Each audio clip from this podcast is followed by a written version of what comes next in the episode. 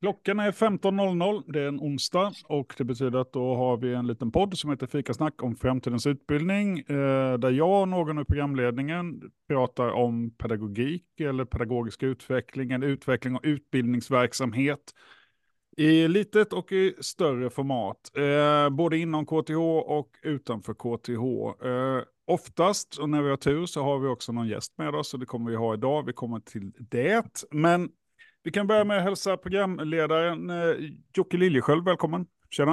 Ja, tack, tack så mycket. Tack så mycket. Det är igen. kul att vara här igen. igen ja, det, är, ja. det är roliga ämnen det här. Ja, men visst är det. Och det är så himla kul att vi kan lyfta fram olika exempel och liksom eh, dela det. Både i, i liksom en livesändning men framförallt i efterhand då på, på olika streamingtjänster. Eh, idag har vi också eh, celebert besök av Anita Kulén. Ja, hej. Hej, Tack varmt välkommen. Med. Ja. Eh, och du är lektor på KTH.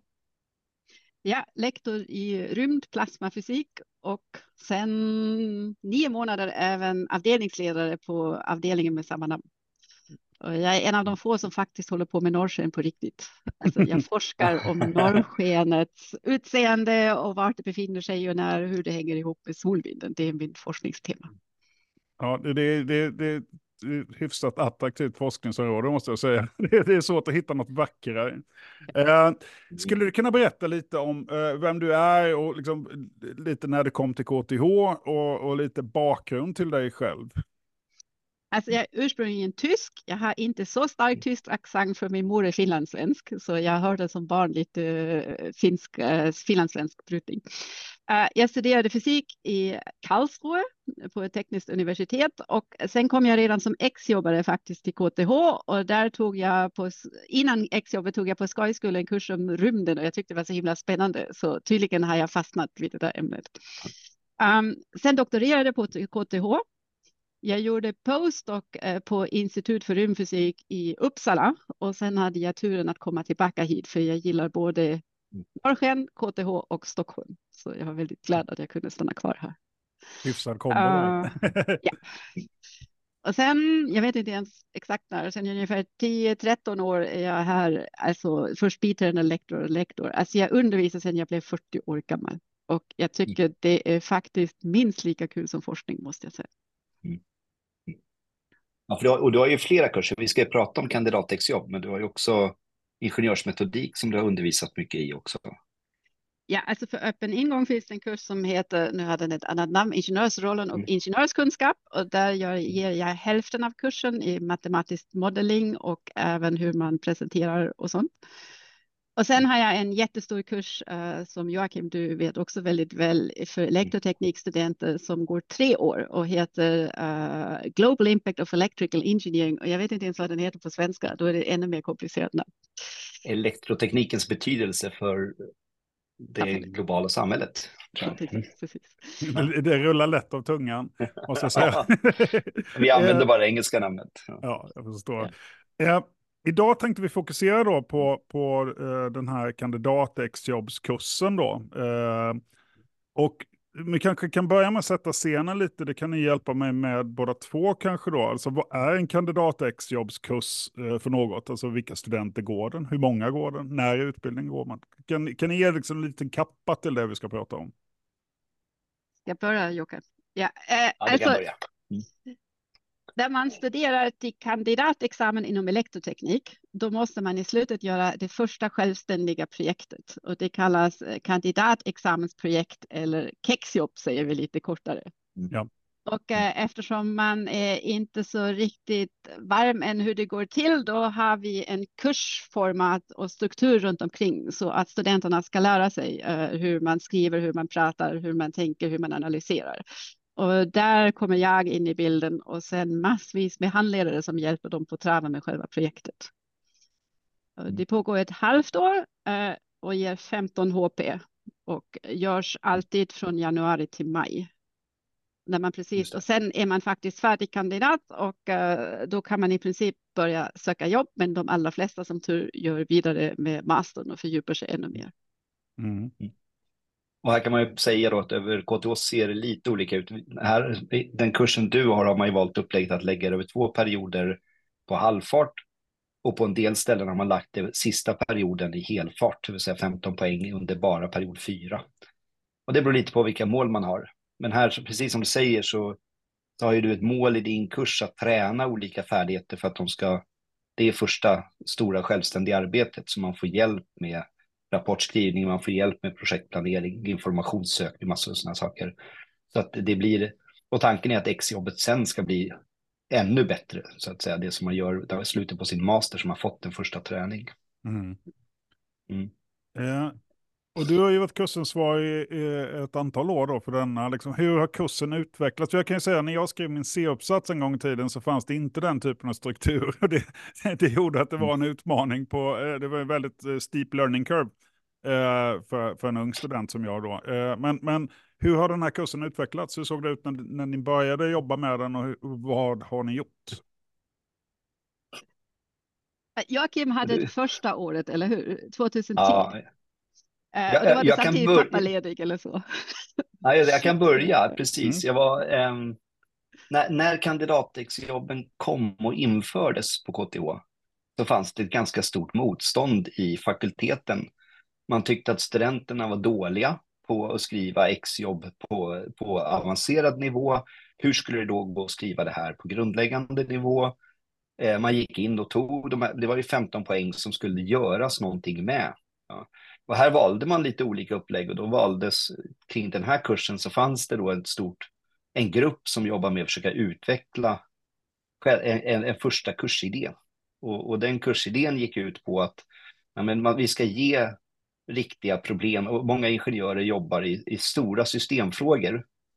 Till exempel eh, en, en av de piloter vi, liksom vi testar som idé, det är Södra länken-tunneln var aktuell just då. Ja, men i Södra länken-tunneln, där kommer det in massor med elektroteknik. Det är signalsystem och det är detektion om det blir stopp på bilar och det är ventilation och det är eh, ja, det ska ledas ner telefonsignaler och så vidare. Och då konstaterar man att här kan man bygga massor med småprojekt runt en sån kontext. Mm. Så den pusselbiten kom in ganska tidigt. Och sen då det här, det finns ett behov av att stödja studenterna. Mm. Och sen var det väldigt få studenter som läste första året, för, för att då, det var dålig genomströmning på programmet och, och liksom, man drog igång det här. 2007 var ju första året de som började, så 2010 var nog första året. 2009 kanske vi pilotkörde med tre, fyra studenter, 2010 var det få. Och precis som Anita säger så var jag delvis pappaledig och så hade jag ansvar för den här kursen. Så ganska så tidigt när Anita kom in så, så, så slängde vi över den här eh, ja, pilotkursen då, då, som vi höll på att fortfarande lära oss med någon slags halv, halvidé på struktur. Eh, och som behövde en hel del koordinering när fler och fler studenter kom in på Anita. Eh, men det var lite bakgrunden till, till den. Och jag, och jag ska nämna, jag kan nämna en jätte... En, nej, vi tar det sen. Vi kör.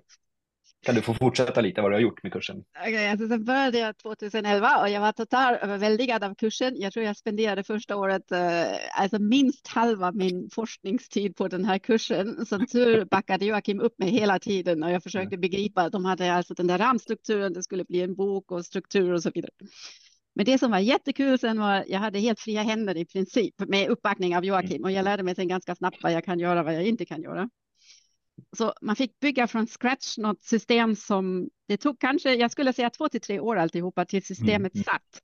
För i början, vi gav poäng för också hur man skriver och hur man tänker, och hur man gör reviews. Man gav också poäng för projektet och i början var det där, deadline satt inte riktigt och poängfördelning var kanske lite fel. Jag minns första mm. utvärderingen, då sa någon kille skrev i den här kursen kan man ordbajsa sig genom hela kexjobbet och sen mm. får man bra betyg. Så jag lärde mig, okej, okay, jag måste ha naturligtvis mm. mycket större vikt på att bedöma projektarbetet och så mm. vidare. Men det som är kul är om man sen anpassar lite, då, då blir det faktiskt bättre. Och min upplevelse var att det blev bättre från år till år. Och det som var kul var att handledarna började också fatta eld för den här kursen. Och idén var ju att också för handledarna att jag tar bort en hel del att handledare behöver inte bry sig hur ska de skriva rapporten, hur ska de göra opponeringen, hur ska de citera. Det tog jag och Joakim hand om våra olika eh, seminarier och eh, då för tiden även Hans Soström, sen Anna Harland, nu är det en tredje person som gör det. Eh, så att handledarna och studenter kan helt koncentrera sig på projektarbetet. Och jag har känslan av genom att handledarna började mer och mer erbjuda de egna forskningsprojekt som de själv tycker är roliga. Mm. Så om handledaren tycker det är roligt och jag tycker det är roligt, då faktiskt får man med att studenterna också tycker det är roligt. Och när alla tycker det är roligt, då jobbas det ganska hårt på det och då blir resultaten ganska bra. Mm. Och vi, kan, och vi kan ju säga så här, i början på den här kursen så hade vi, la vi som ett obligatoriskt uppdrag att alla masterprogrammen i skolan skulle erbjuda minst ett kontext var, alltså en uppsättning mm. med projekt var. Och det skulle vara en marknadsföringskanal till då masterprogrammen. Och där började vi strukturen, men nu har ju du, just på att, där du säger att de har blivit så engagerade lärarna, så nu finns det ju en hel uppsjö då med koppling mot olika forskningsgrupper som erbjuder just utmaningar till studenterna. Så det är inte alls jag upplever inte att det är samma behov av att säga till att masterprogrammen måste leverera, utan du får in massor med projektförslag, även om det finns en koppling till masterprogrammen fortfarande. Ja, precis. Och sen har också teman skiftat lite under årens gång. Jag minns när jag började ville alla jobba med robotar. Och mm. nu vill alla jobba med AI. Så ja. om man vill mm. erbjuda ett projekt mm. skriver man bara AI. Och det är väldigt spännande var eh, väldigt få intresserade sig för electric grids, alltså själva elnätssaker och så vidare i början. Eh, men nu när elpriserna gick i taket för, för något år sedan, nu börjar vi plötsligt få mycket fler personer som är intresserade där. Och vad jag gillar är alltså att KTH reagerar så snabbt på vad omvärlden behöver. Mm. Och det syns även i kandidatexjobben. Uh, och jag tror, men som sagt, det stora grejen är um, vad många andra kandidatexamenskurser inte gör, att vi ser till att handledarna har färdigdefinierade projekt och studenter väljer från dem. Mm. Det är bara väldigt få undantag där vi tillåter att student kommer med en egen idé. Mm. Det, det, är min övertygelse i tredje året. Man ska inte spendera massvis med tid att hitta på ett projekt själv, för det är jättesvårt. Det går bättre i slutet av femte året när man gör mastern. Mm. Och lärarna kan helt enkelt det att ha genomtänkt eh, projekt och då kommer man snabbt igång. För jag märkte också i början fanns det en otrolig fördröjning tills projekten kom igång. Så då började jag införa ett obligatoriskt intramöte första möjliga dagen i januari.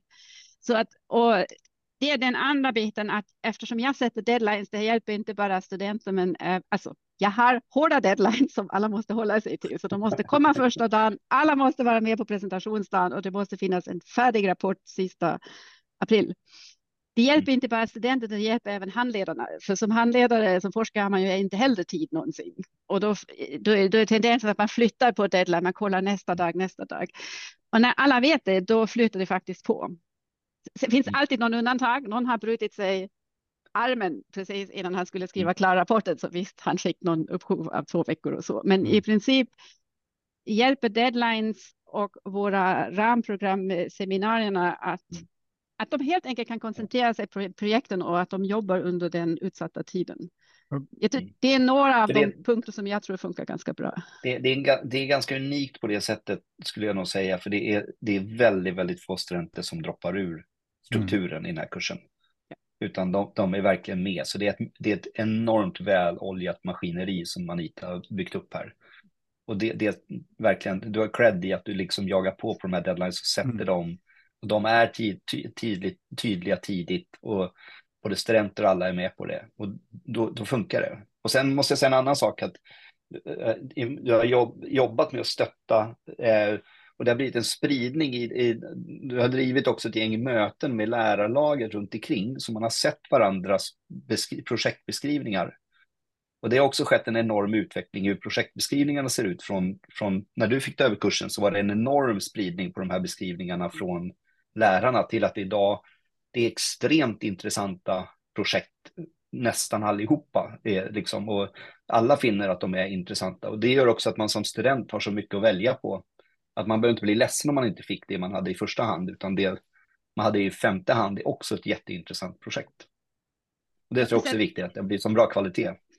Alltså, en sak som glädjer mig väldigt mycket är att det händer nästan varje år att någon student gör ett så pass bra jobb att handledaren erbjuder honom att presentera på en konferens. Så till exempel förra året vann de till exempel bästa priset på posterpriset på en konferens. Det är naturligtvis fantastiskt. Mm. Eller det finns några enstaka där det faktiskt blir sen en vetenskaplig artikel.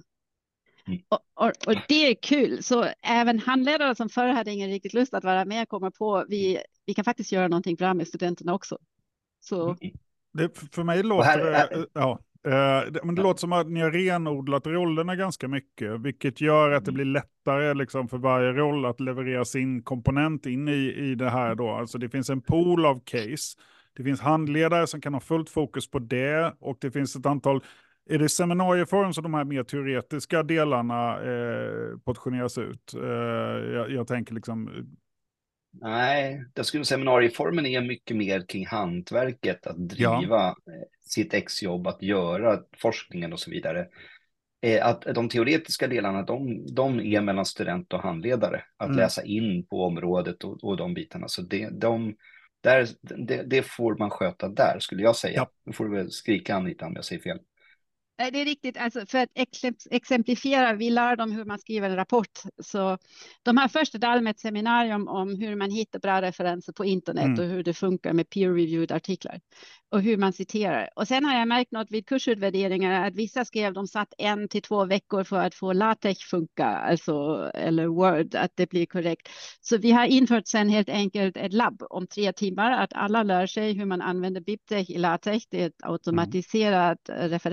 Referenshanteringsprogram så att referenslistan poppar upp korrekt. För vi tvingar att alla skriver exakt i samma format och sådana grejer. Mm. Så det hjälper att ha sådana praktiska seminarier där de lär punkt och pricka vad de ska ha eller sen ja. har jag nästa seminarium om hur rapportstrukturen ska se ut och sen gör de en review. Och det är steg för steg och väldigt mycket hands-on och väldigt mycket också. Vi har teorierna bakom, men vi ger också någon slags koksboksreceptgrej. Mm. Ni, måste, ni måste i reviewen måste finnas den överskriften. Ja. Um. Så det är sådana grejer så att hålla dem ryggen fritt eh, och Joakims eh, arbetsplansseminarium framför allt i början när de lär sig hur man mm. strukturerar upp det och så vidare. Men, och här har så, du, det, det, jag kör du Jocke. Ja, det, och det finns, jag måste, det, det, finns en så kul detalj där kring, du säger att de följer, det finns en struktur kring formen.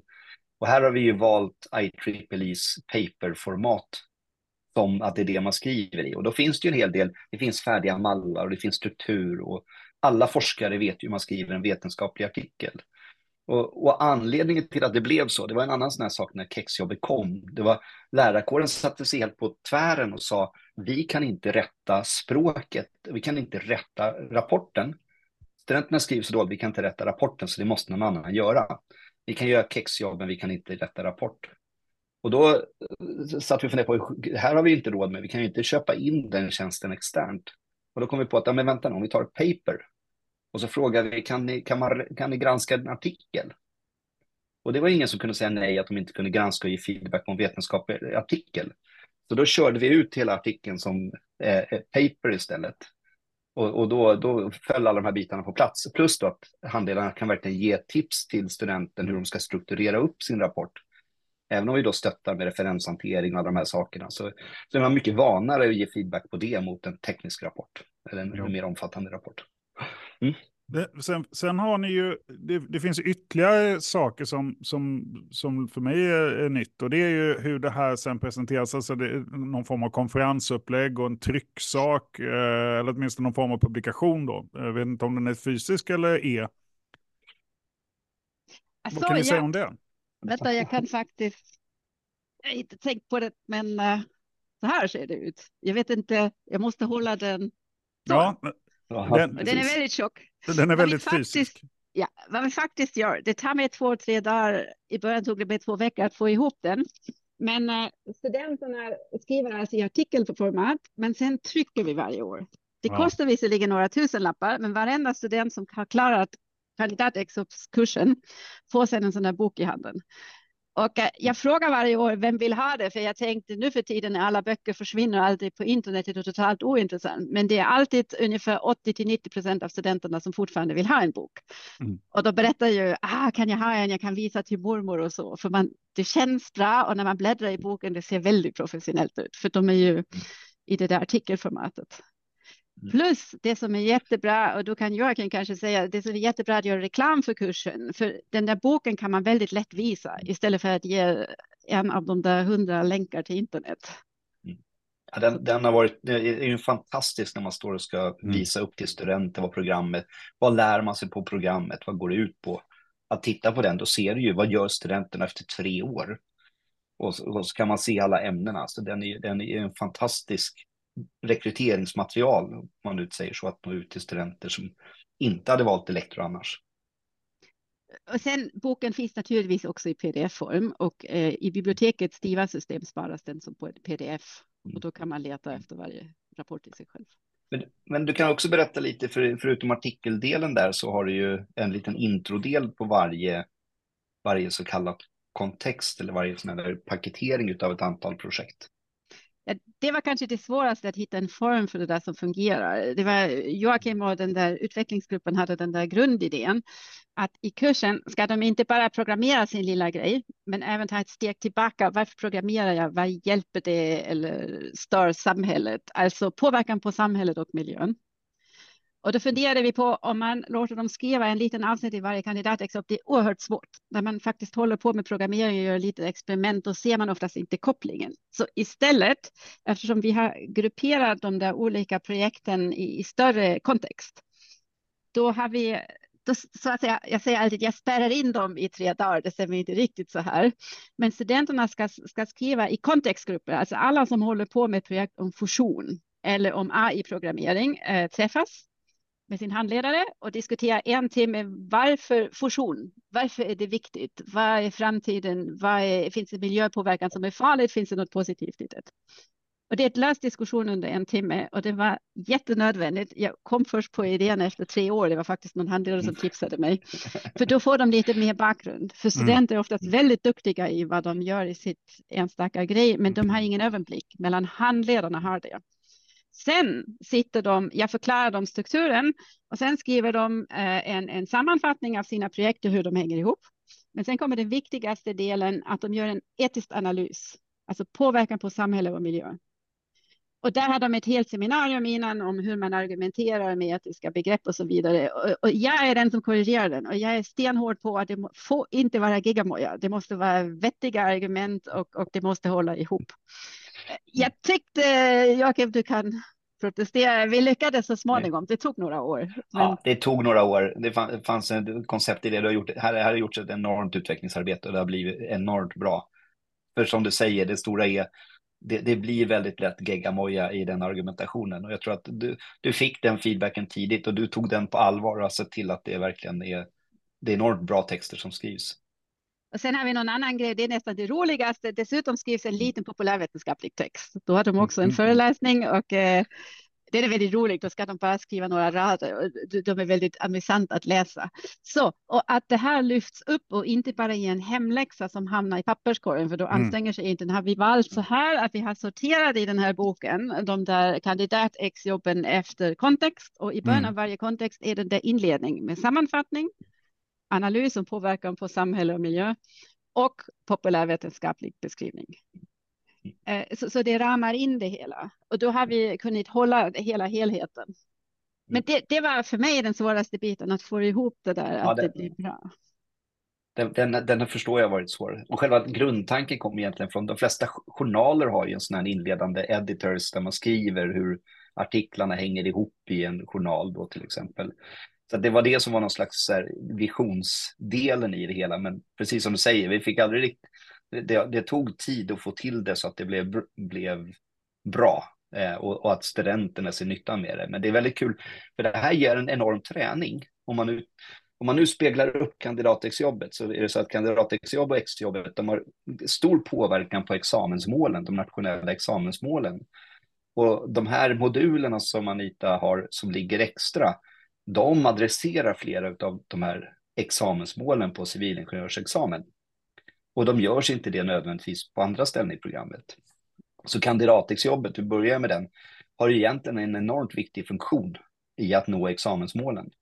Och där tycker jag det här är, det här är ett eh, jättefint exempel på hur man, hur man har fått ihop både djup i frågeställningen men också all den här träningen på olika sätt. Att strukturera sitt arbete och kommunicera, jobba med andra. Massor med sådana saker tränas på ett, på ett väldigt kul sätt. Jag funderar, den som lyssnar på detta kan ju då, om man är från ett annat lärosäte eller om man är någon annan del av KTH, tycker det är intressant. Vad heter kursen? Alltså vad är kurskoden för den som vill ah. rota lite? EF112X heter den. ES11. Nej, nej, EF som fisk. Fisk. EF, Erik Fredrik. 11. 2X som 2X. Ja, som serverar. Ja. Och eh, det enklaste är att mejla till mig. Jag heter Anita Kullen och då kan jag länka vidare. Det är varje höst eh, har vi en um, projektvalskatalog som innehåller alla vanligtvis ungefär 60 olika projektförslag och varje november får studenter välja. Och för det är så här, elektros, det ingår hos elektrostudenter att göra den här kurs, men även studenter från skiskolan, alltså från fysiker, farkost, teknisk matematik får ta den och även energi och miljöstudenter och i enstaka fall även datastudenter, för vi har en hel del datakandidater också, för de fysiker som vill göra data gör det via mm. min kurs, för alla tyckte det var enklast. Och det, här, det är ändå en överlapp mellan elektroteknik och data nu för tiden som blir större och större skulle jag säga. Det, här är det där är också väldigt häftigt. kul, för då jobbar, de, jobbar studenter redan här ihop över, över liksom programgränser i de här olika kontextbeskrivningarna. Ja, det mm. glädjer mig väldigt mycket för det visar att kursen är omtyckt. Vi hade i början 43 studenter. Vi har de senaste åren mellan 120 och 130 studenter. Mm. Varav nästan hälften kommer från andra KTH-skolor. Och det som Joakim säger, det är väldigt kul. Så du mm. har någon tvärdisciplinär projekt. Och det finns till och med studentgrupper, man gör det vanligtvis två och två, där den ena är från ena skolan, den andra är från den andra skolan. Ni har ju båda i, i, olika faser lagt mycket energi på den här kursen och det har hänt mycket och eh, jag, jag blir lite häpen ändå över att, man, eh, att det finns den typen av systematik. Alltså det, det låter som ett maskineri eh, och det uppstår mm. ju inte av en slump då. Men eh, vad är nästa steg? Alltså, hur, hur borde den här kursen, eh, alltså har den uppnått perfekt status? Eller har ni några tankar om eh, vad skulle vi vilja göra härnäst? Mm. Ett problem som dök upp heter ChatGPT. Studenter mm. måste fortfarande lära sig eh, skriva och argumentera själv. Samtidigt mm. måste de lära sig att använda ChatGPT på ett vettigt sätt. Ja. Där håller vi på att uh, jobba mycket på hur ska vi göra på bästa sättet. Um, sen annars, man kunde naturligtvis hämta in industriprojekt. Det gör vi inte riktigt. Det är väldigt få gånger. Och min erfarenhet var om någon har doktorerat och sitter i industrin, då kan han handleda. Annars blir det svårt för de vet inte vart ribban ligger i ett projekt. Det är någon utveckling Nej. som jag inte vet om vi ska ta eller inte, Joakim. Nej, men jag tror att, tror att man, där får man nog göra ett val. Och, och då här, så länge som vi får fram så intressanta projekt utifrån forskningen så, så är det ett, ett ganska okej val att, att det kommer därifrån. Eh, för det, det ska man säga så här, för att det funkar och det här maskineriet som Anita pratar om så läggs ganska mycket jobb och du, du har, du har till och med, det finns ju till och med ett, ett handledar-PM eller hur? Det finns till och med en instruktion till dig som handledare med alla deadline för handledare och hela den biten. Och det finns ofta ett seminarium med en ny handledare så man får veta vad som gäller. Så att, och det här är ju andra saker som du har jobbat jättemycket med som får det här maskineriet att snurra. Och det blir väldigt svårt att få det maskineriet att snurra med massa människor som är utanför KTH. Mm. Och, och, och det, det, tror jag då, det får man ju ta med. Det finns en, kanske en fördel eller det finns en vinst i att man skulle ta in industrin. Men det finns då en nackdel med att du, du kanske inte kan snurra ett så här stort maskineri som det här ändå är. Mm. Ja. Alltså det, det stora för, alltså förhoppningar, jag tror det funkar också vid masterarbete, då är studenterna fritt att välja och då kan de gå i industrin. Och tanken är också att mycket av det vad de har lärt sig nu i en kursform, att de kan använda det, att nu vet de hur det funkar. Alltså att skriva, att presentera, vi har också en stor presentationsdag och så vidare. Um, att att de har friare, mycket friare tyglar vid masterarbeten. Mm. Och, de har lärt sig. Och det kan man väl säga, det var en fråga om progressionen och det, det här är ju verkligen ett mini-exjobb. Men man, men man jobbar två och två, man har lite den här kontextbiten och man har ett stöd i processen. Så att det, det finns ju en progression när man sen kommer till sitt exjobb. Då är man ju mer ensam, då är det man själv som är helt i, vad ska jag säga, man ska leda och driva och organisera det själv utan input från några lärare mm. egentligen. Och det är en stor skillnad. Ja, så att det, där äh... finns det en tydlig progression. Ja. Men då har man övat en gång i alla fall eh, under eh, väldigt ordnade former. Så det, det måste vara ett bra stöd kan jag tänka. Eh, mina vänner, 30 minuter är eh, väldigt kort tid så här på den här mm. planeten eh, när vi pratar om eh, mm. kul grejer. Eh, det har varit jättespännande att få höra mer om detta och jag, alltså man slås inte sällan av häpnad när man pratar om olika delar av KTH, alltså vilka, hur mycket jobb som görs. Och det är alltid lika kul. Så jättestort tack Anita för att du tog dig tid att dela med dig. Okay. Och som sagt, den som har frågor kan ju adressera dem till dig så, eh, kring, kring detta. Så finns det ju mer att lära naturligtvis. Eh, men detta är vad vi hinner säga på 30 minuter. Eh, tusen tack för samtalet. Ja, tack, tack så mycket. Ha det så bra.